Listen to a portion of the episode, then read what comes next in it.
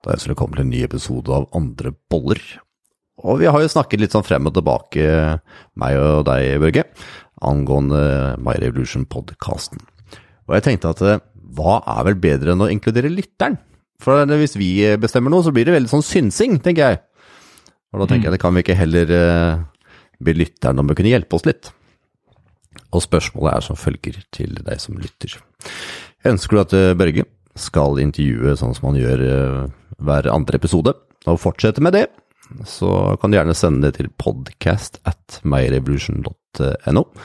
Eller om du ønsker at det skal fortsette som en samtale som vi har nå, der vi tar opp diverse tematikker, vei og Børge sammen, eksempelvis, så kan du sende det til podcast at myrevolution.no. Da hjelper det oss til å finne ut hvilken eh, retning podkasten skal ta videre. For det, det blir sånn at eh, når vi skal bestemme noe, så blir det veldig synsing, tenker jeg, ut fra hvilken retning er det vi skal gå, for det er du som lytter som egentlig sitter med fasiten. Vi prøver å bringe underholdninger, men det er faktisk du som lytter som faktisk vet hva du ønsker. Og jo flere som eh, har muligheten til å ta seg tid til å skrive noen ord på e-post til oss, vil hjelpe oss veldig, veldig for hvordan podkasten vil bli fremover. Nå, Børge. Og gjerne, og gjerne tema. Ja, og gjerne er tema vi, vi skal snakke om.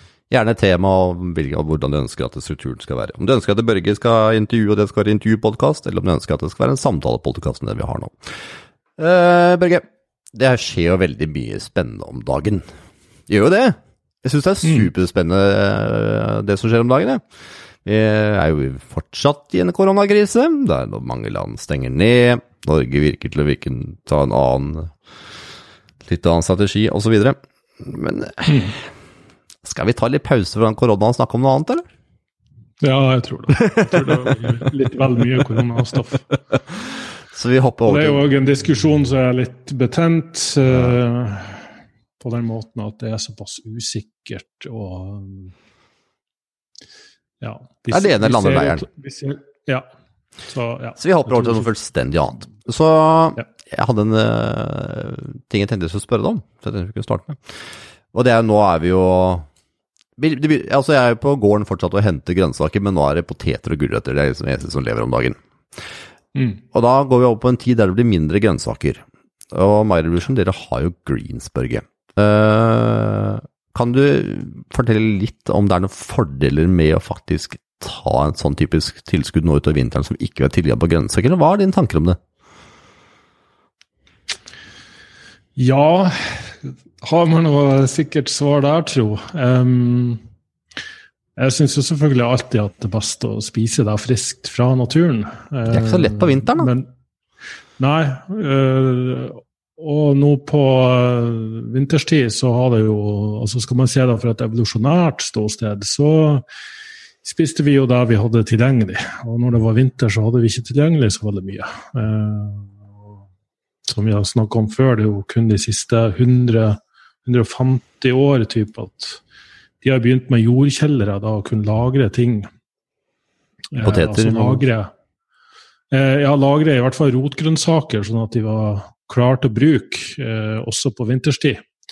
Men vi har jo da i lengre tid enn da har vi jo sylta bær, og vi har konservert, fermentert, eh, melkesyregjæring, eh, som det også kalles. Eh, tilsette sukker, tilsette salt. Eh, lar det stå helt til at de naturlige eh, gjærsoppene, bakteriekulturene,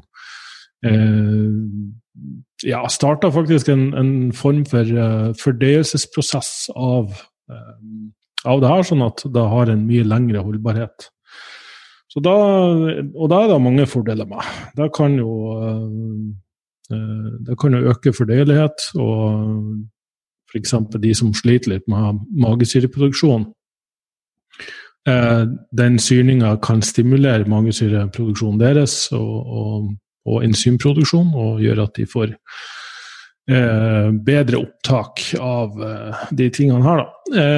Vi har også vært inne på det her med at fiber er ikke udelt positivt, fordi det også binder opp enkelte næringsstoffer. Så selv om du i et laboratorie kan analysere næringsinnholdet i frukt og grønnsaker, så er det jo litt individuelt hvor mye av det du faktisk tar opp i kroppen når du spiser det. Fordi ikke alle har evne eller kapasitet til å fordøye det fiberet og ekstrahere næringsstoffene fra da. Så for å svare på spørsmålet ditt, så kan vi jo da i hvert fall hevde at slike ekstrakter, um, sånn som Nutrients, um, er en snarvei til lett opptagelige, lett tilgjengelige næringsstoffer. Jeg er jo også en fan av matbaserte kosttilskudd i stedet for syntetiske. Uh, I dette tilfellet er det jo frukt og grønnsaker som er tørka pulverisert. Uh, er det økologiske grønnsaker som er tørka pulverisert, da? eller? Ja, noe av det er vel økologisk, men det er vel ikke alt som er økologisk ut fra den informasjonen vi har fra produsent. Og det har litt med at um, F.eks. kan vi jo da si at ting som du skreller, da har det ikke så stor betydning om det er økologisk eller ikke. Det kan ha litt å si for næringsinnholdet i selve grønnsaken eller frukten, men, men du, du, får ikke noe risiko for noen sprøytemidler og sånt når du faktisk fjerner den delen av Når du fjerner skallet der som sprøytemidlene befinner seg. Så, så jeg personlig er jo litt av den oppfatning at det matbaserte er bedre. Vi kommer jo snart nå til å lansere en, en C-vit, et C-vitamintilskudd som er basert på acerola og, og, nype, sånn at du får naturlig C-vitamin. Det er ikke den syntetisk fremstilte. Og der kan selvfølgelig argumenteres at den syntetiske den virker, den også, men til og med forskere innrømmer jo at eh, det er mye vi ikke har funnet av, eh, eller identifisert av de, eh, de stoffene her i, som finnes i naturen. Og, og, hvordan det faktisk påvirker kroppen. Så, så fremdeles heller nok mer i retning av at det, det naturlige stort sett er bedre, men at det heller ikke er feil eller skadelig i den forstand å ta f.eks. asyntetisk syntetisk C-vitamin. Det var første tingen som jeg hadde på hjertet, Børge. Og nå over til noe fullstendig annet. Jeg har eh, hørt på en utrolig bra lydbok i siste, eh, og det er en lydbok om biografien til Lars Monsen. Den kom ut ja. på Storytel for ja, den 25., tror jeg det var. Og det er faktisk en av de beste bøkene jeg har hørt. Oi, uh, ja, så bra. Jeg har hørt noen bøker etter hvert. Så det, og, og, grunnen til at jeg ønska å ta opp det i denne podkasten her, det er av flere årsaker. Den ene var at uh, Lars Monsen var en person som virkelig var litt på feil spor i starten av 20-åra. Han uh, drakk veldig mye, og han var veldig glad i den rusen, så glad i den rusen at han begynte å, å, ikke reise hjem etter at han hadde vært og drukket seg skikkelig dritings. Han gikk rundt til nærmeste blokk og fant en ledig åpen dør. Da han først fant en åpen dør, så gikk han inn i alle oppgangene, oppgangene og samlet alle dørematene han kunne finne. Tok dem inn i kjelleren og la seg der. Opp på aldermattene. Yes. Og det var hans uh, 20-åra. Ut på tur. Ut på tur, skikkelig på tur. Eh, og så fant han da ut i, i tenåra osv. at han var jo veldig mye i skogen, og jeg tror han aldri har hatt en julaften som ikke har vært i skogen fra han var 13 år. Da reiste han for første gangen helt alene og overnattet uh, ute i skogen på jul. Jeg tror han har fortsatt med siden, hvis jeg husker boka hans riktig nå. Det jeg liksom vil litt fram til her, er at han uh, sier i boken sin at uh, når han er veldig mye i naturen, så får han akkurat som han får en sånn sjette sans. Han uh, hører naturen på en spesiell måte, han opplever naturen på en veldig spesiell måte. og Så han sier at det, det er akkurat som naturen snakker til deg når du er der. Og det blir sånn at Hvis du har vært lenge på, på tur, på ekspedisjon osv., så, videre, så blir det sånn at du, du takler ikke trafikk eller du takler ikke mennesker, eller du får veldig utfordringer med støy, da. Mm. Og så vet du at mange mennesker i dag sliter med stress og angst, som vi har snakka om før. Altså, jeg tenker mye på dette, jeg har hørt på den boka her, da. Så tenker jeg, Det første jeg tenker, er for meg så virker det veldig stressende å skal sove ute og tenke på alle dyrene som er rundt der, og alle disse plagsomme tingene. Og bare for å ta én historie fra, fra boka hans, så er det sånn at han er jo, går jo Canada på, langs eller tvers som pokker var i tre år. Uh, og under denne seansen så er det sånn at han kommer til en liten landsby. Men han liker ikke å sove der det er folk, så han finner jo da et sånt derre ja, et skur, som man kaller det. Et sånt glassfiber, ikke glassfiber, men sånn finerskur. Og der slår han opp teltet inni. Og så våkner han midt på natta av noen tunge skritt på. Og han skjønner med umiddelbart hva det her er. Det her er midt på vinteren, i kaldeste Canada. Og det han hører, er at det begynner å bli skraping på fineren. Det skraper. Så han finner eh, tak i en eh, kjele og noe annet, og kliner dette sammen. I håp om at den som da er på utsida skal stikke av. Men det gjør den som er på utsida bare enda mer ivrig. Oi. Så det som da skjer, er at eh, han ser at nå er fineren i ferd med å gi seg, så han finner fram rifla. Og så klarer han å få sånn lite gløtt imellom åpningen, akkurat idet den reiser seg på utsida, og det er en isbjørn. Oi. Ja. Så han vet at hvis den her kommer på innsida på fineren nå, så er jeg ferdig. Så han må dessverre skyte. Han føler en sorg i det øyeblikket han må skyte, han må dessverre skyte for å på en måte redde livet sitt. Det som jeg finner fascinerende nå, er nemlig fortsettelsen. Det som skjer, er at han øh, skyter og legger seg til å sove, og sover videre. Ja. Så dagen etter, da, da står han opp og går ut og sjekker og har funnet at han har truffet veldig bra, og mer på utsida så ligger det en is, den isbjørnen. Og dette skjer nemlig flere ganger. Masse forskjellige bjørner som han treffer på veien, og han går og legger seg og sover, og sover veldig godt. Og jeg tenker at det er det stikk motsatte vært for meg. Jeg hadde vært superstressa om, om det hadde vært måte, isbjørner og bjørner rundt meg. Så det er sikkert sånn en tilvenning, da. En tilvenning til å takle de stressmomentene som naturen har.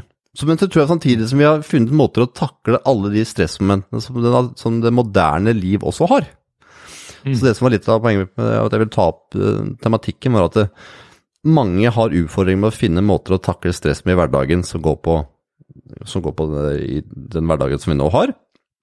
Kanskje vi skal prøve å ta litt inn Monsens uh, greier med mer ut i skogen og natur, men kanskje ikke helt bort der vi sover med bjørner. Så prøv å finne den balansegangen, da. Ja.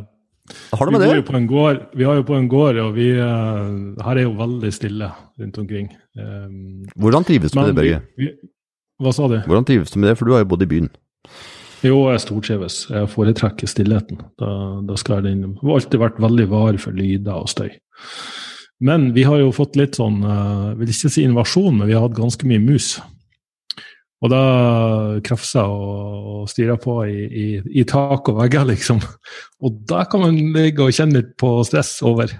Så, så jeg får veldig respekt for Lars Monsen, som bare står opp og skyter en jævla isbjørn og legger seg ned og sover. Når vi ligger her og er litt sånn på tuppa pga. sånn mikroskopiske mus som krafser rundt i, i veggene. Men, men ja. Um, jeg er nok ikke det største friluftsmennesket. Jeg har vært en del på tur, absolutt.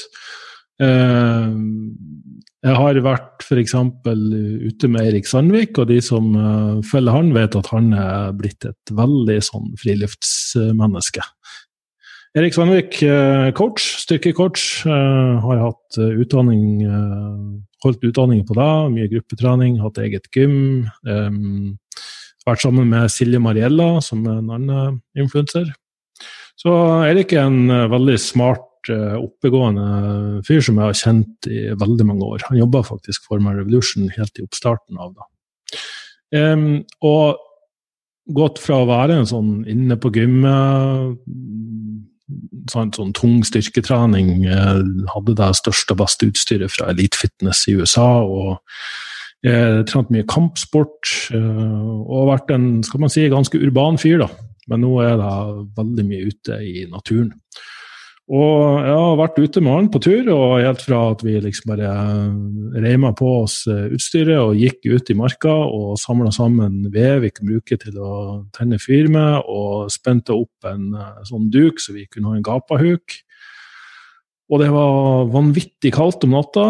Det var varmt rundt bålet, selvfølgelig, men da ligger den soveposen eh, omtrent på steinrøysa. I hvert fall føltes det sånn. Selv om eh, Der slo i hvert fall ikke kontinentalsenga jeg har hjemme, med tempuravlastning.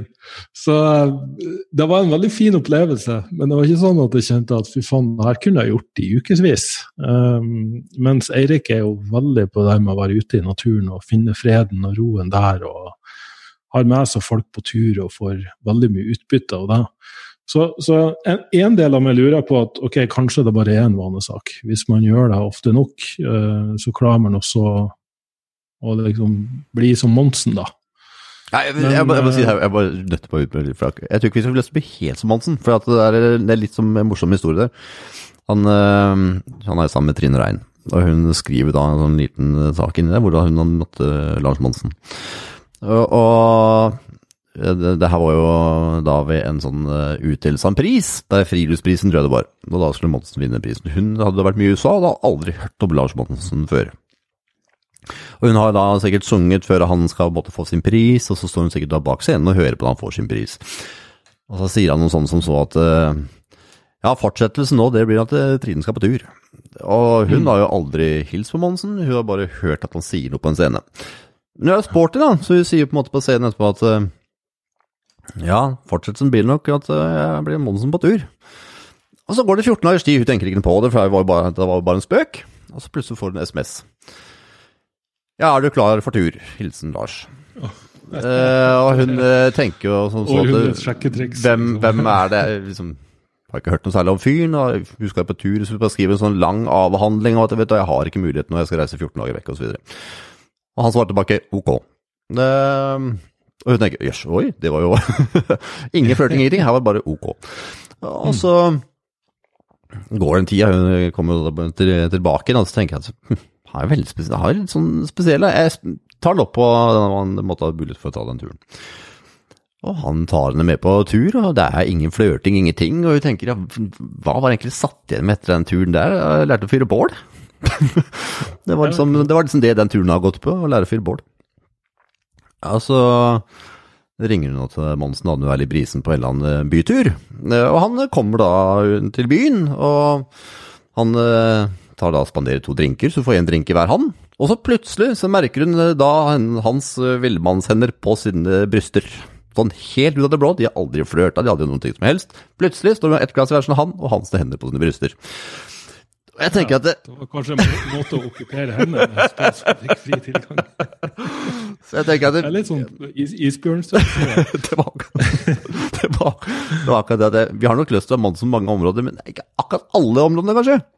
Så mm. vet du, jeg anbefaler virkelig å sjekke den boka, som var utrolig morsom. og Jeg, jeg liker å få forskjellige perspektiver som menneske. Altså for det er noen som har Jeg er bare et villdyr, villmann, og på en måte er, er sånn.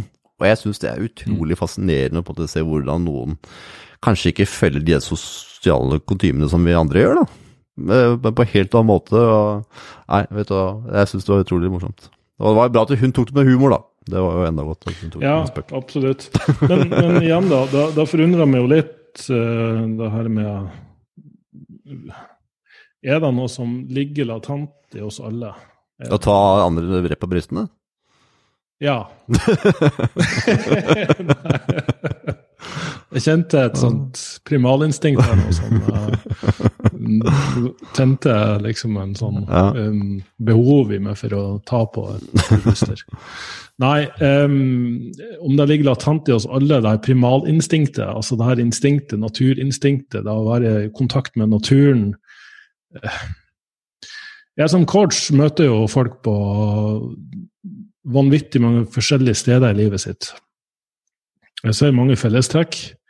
Um, men, men, hvorvidt det her er skal man si, arv eller miljø um, som gjør at noen føler seg mer rolig når de er midt i byen blant masse folk, noen føler seg mer rolig når de er på tur med Monsen. Ja. Uh, med mindre de har brystene framme. med mindre de har store bryst, så risikerer jeg å bli befelt. Nei, men um, for det, jeg, har jo, jeg har jo sett Du har mista sikkert 50 av kvinnelige lytterne, Børge. Ja, sannsynligvis. Nei, men vi, vi må tørre å flepe litt med sånne ting. Um, uh, jeg har jo sett den koblinga altså. mellom in, inflam, inflammasjon i kroppen uh, og hva som fungerer antiinflamatorisk. Og jeg har jo sett på det her fra et uh, kostholdsmessig perspektiv, ulike matvarer og hva det kan gjøre med den såkalte CRP-verdien, C-reaktivt protein. og en annen markør som uh, har vekt stor interesse de siste årene, interleukin 6, eller IL6. Og uh, de har jo gjort uh, forsøk på um, ja, som sagt, da, ulike kostholdssammensetninger for å se hva som kan få ned det her inflammasjonsnivået i kroppen. Og så er det faktisk noen veldig gode studier som viser at bare det vi kaller på norsk da forundring, altså å på engelsk, når, når man sier at noe er awesome, når noe er stort, når noe er mektig, da dropper de inflammasjonsmarkørene som en stein. Virkelig bare totalt uh, enorm reduksjon i inflammasjon i kroppen. Men hva skal til for at du skal få det øyeblikket der? Ja, da er vi faktisk på store naturopplevelser. De har tatt med folk til Grand Canyon i USA og målt nivået av inflammasjonsmarkører før og etter de har vært og opplevd Grand Canyon og sett en vanvittig reduksjon. Um, i, i, Japan så har du noe som heter forest bathing. Det tror jeg vi har snakka om før. Der uh, de drar ut på skogstur, rett og slett, og ser dramatiske forskjeller i inflammasjonsmarkører.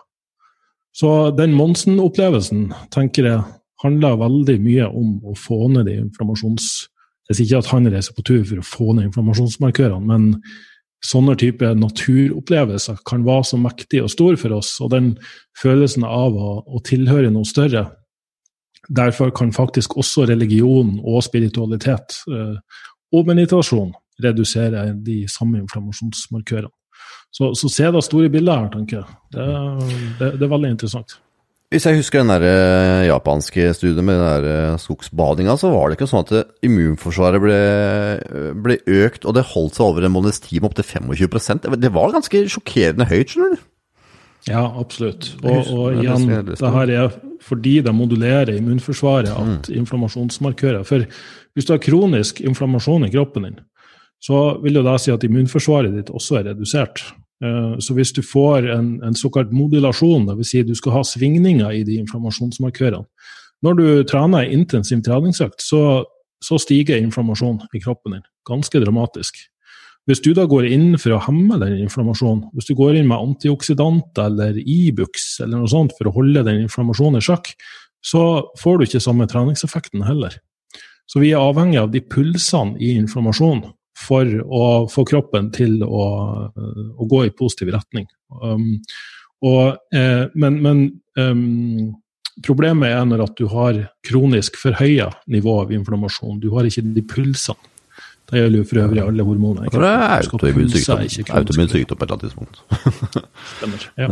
Uh, jo, og det Vi drar Mansen uh, videre, vi. Uh, og det han liksom grunnen at han reiser på tur, er at det er hans rus den der rusen som han på en måte hadde med alkohol, da, den har, liksom, den har mm. skogen erstatta. Og det som du kanskje ikke visste, Børge, som iallfall ikke jeg visste, det er at uh, vår kjære Lars Monsen er jo meget så alternativ i sitt tankesett. Mm, det vet jeg. Det visste, visste du det? Det, visste. Uh, ja. det gjorde ikke jeg, nemlig. Så jeg ble litt surprise, surprised når jeg hører boken, for veldig mye av boken handler nettopp om opp ned. Mm. Og alle hans opplevelser rundt det. Så nei, ønsker man en tankeveke rundt uh, en kjent norsk figur, så er Lars Monsens bok virkelig å, å anbefale. Ja, ja, og mens, mens, vi er inne på bøker mm, ja. Jeg har lest den siste boka til The Iceman, Wim Hoff. Yeah. Har kommet ny? Ja. Det kommer med ny bok, ja. ja kom, eh, den er nettopp, eh, nettopp sluppet. ja, jeg har kommet et stykke ut i den, og jeg har jo vært borti det her før og tatt de kursene. og og, og, nå begynte å ta, ta, opp igjen den metoden hans. da. Mm. Det er jo egentlig skal du si, helt enkelt. Det er en form for hyperventilering, altså dype pust. 30-40 pust.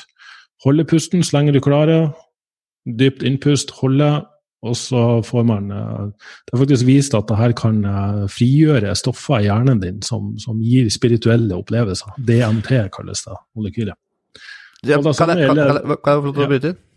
Ja, ja. Beklager. Uh, men jeg må si det før jeg glemmer det. Uh, og det er en uh, russisk forsker som navnet står helt stille for meg, men hvis du sjekker opp Han er veldig kjent på Tim Ferris podkast et par ganger. Han drev jo, han og kona hans drev jo egentlig med terapi for mennesker med mental lidelse med LSD. Men ja. så ble jo LSD forbudt. Og da brukte de samme pusteteknikk der man måtte dra mest mulig luft inn. da. Eh, for at man skulle få samme opplevelsen av nettopp det som man gjorde med LSD. Og hvis man mm. puster inn ekstremt mye luft, altså hyperventiler, over veldig lang tid, eh, så vil man nemlig oppleve det samme. Stemmer. Eh, Står helt stille for hva han heter, men ja, fortsett. Ja, da står om den forskninga i eh, boka hans også. Så han har jo i det hele tatt kanskje fått flere studier, og mer vitenskapelig forskning, for å bevise at det han har trodd på helt siden han begynte med det her i sin ungdom, at det er riktig. Um, og kombinert med sånn kuldeterapi, dvs. Si, eh, det enkleste er jo å ta kalde dusjer, men har du tilgang til uh, liksom isbading, så er det også veldig forfriskende og oppløftende. Også en, en eh, form for eh, meditasjon, da. da du kan, I hans tilfelle tilfelle han har jo vist at han kan øke sin kroppstemperatur og være nedsenka i is i eh, en, en time i strekk. Og holde da konstant kroppstemperatur. Han blir ikke nedkjørt. Og bare for å fullføre den, at han har også han modulerer inflammasjonsnivået i kroppen med det her. Eh, De har injisert den med endotoksiner, som gir en sånn kraftig sykdomsreaksjon hos normale mennesker. Men eh, hos han så er det ingen reaksjon. Ja, og det er ingen reaksjon. Og han har også da trent opp eh, ja, nå begynner det å bli ganske mange millioner mennesker rundt omkring i, på jorda som har opplevd akkurat det samme. Men i den studien så var det vel ti andre som også ble injisert med E. coli, og, og en gruppe som ikke ble det. Ja. Stemmer. Ja, i den studien som ble gjort. Um, og det interessante er jo liksom de historiene man får fra mennesker, er jo også med den uh, gruppa hans, Facebook-gruppa. Uh, og det går på depresjon, uh, folk som har vært suicidal og prøvd å tatt livet sitt. Og etter å ha begynt med den metoden, så er de suicidale tankene helt borte. Folk som har uh, Crohns, leddgikt, MS, mange forskjellige sykdommer. Og det er klart, man skal være veldig forsiktig Ja, man skal trå medisinske påstander. Men det her, er, det her er enkeltpersoner sine historier, så, så selvfølgelig det er, ikke, det er nok ikke gjort nok forskning på det her. Men, men det å modulere inflammasjon, det å øke O2-nivået og eh, deretter øke CO2-nivået, som du gjør når du holder pusten, eh, det, det kuldesjokket Alt det, det her påfører kroppen av stress, setter jo i gang da reaksjoner på cellenivå som ser ut til å være ganske gunstig. Og Jeg vil bare og avslutte før du avbryter igjen, Frekk. Jeg så du trakk fisken her. Uh, av og til jeg går gjennom sånn perioder der jeg måler blodsukker om morgenen. Fastende blodsukker. Og det er for å se litt sånn Ok, det kan vise både stressnivået i kroppen. Har du høyt stress, så kan blodsukkeret øke. Eh, har du spist veldig mye dagen før og veldig seint, så kan blodsukkeret være høyt. Um, så jeg ser litt på det her som en slags sånn eh, bensinmåler, for å si det på den måten. Den eh, måleren jeg har, eh, måler også HCT i, i blodet. Og nå skal jeg bare sånn at jeg ikke si, si helt feil hva, hva det faktisk er. Men HCT er hematokrit, og det er volumet av røde blodceller i blodet. Det er normalt mellom 40 til 50% for menn og 36 til 45% for kvinner, står det på Wikipedia her. Jeg har jo da målt over en periode, og mitt sånn hemat hematokritnivå har vært helt nede på 30% 30 og 35 På det, den, den beste dagen 40% Tre dager med de pusteøvelsene nå, i dag morges når jeg målte, da var jeg på 50 Så det er en økning av volumet av røde blodceller, altså oksygen. Og jeg har ikke trent kondisjon, jeg har uh, levd på samme måte som jeg har gjort før. Så det er, det er kun pust, de pusteøvelsene og kalddusjene som er annerledes. Og det er interessant. Det er meget spennende, Børge. Og om nøyaktig 57 minutter så skal jeg intervjue en i Mentalpodkasten, en svensk pusteekspert. Som uh, var med i boken til James Nestor. Den boka heter Breed, hvis jeg husker riktig. Uh, og han er jo en av i hvert fall Sveriges fremste når det gjelder det med pustteknikker. Uh, og det hans sitt budskap er, hvis jeg har forstått den riktig, jeg skal prøve å finne ut av etterpå, det er at man får nok oksygen. Det er det motsatte man ikke får nok av. Så han mener at man skal puste litt inn og veldig mye ut. Så han også er jo garantert veldig bekjent akkurat det med pusteteknikken til uh, Wim Hof. Så jeg er interessert i å høre hva han mener om det. Og det med pust er så utrolig spennende, Børge. Den siste tiden, jeg, i 14 dager nå etter jeg leste den uh, Breed av James Nestor, så har jeg pustet konsekvent så fort jeg har vært bevisst på det 5-5. Fem sekunder inn, fem sekunder ut. Så hver gang jeg på en måte er bevisst på at nå, oi, nå tenker jeg på et eller annet, eller nå, ok, greit, pust den inn. Jeg merker at jeg har blitt så utrolig mye roligere. Ja. Uh, og hvis jeg skal prøve eksempel på å sette meg på sofaen og puste litt, så bare slokner jeg tvert. For det, kroppen har bare vent seg til at når jeg begynner med den pustingen, så roer det seg veldig ned. Så det med pust, Ja. der er det utrolig mye å hente, altså. Mm. Der er det Ja, mye spennende. i- Det snakka vi om i forrige episode, så det, det er et veldig spennende tema. Det er et uh, fantastisk uh, univers vi lever i. Menneskekroppen er forunderlig, kan man si.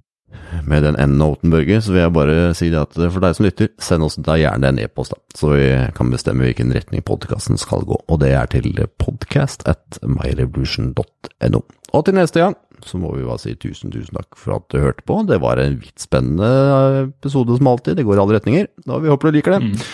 Så har det bare å si ha det bra, er det ikke det? Ja, ha det bra. Ha det bra. Tusen takk for at du lytter på. Ja, ha det bra. Ha det. Ha det.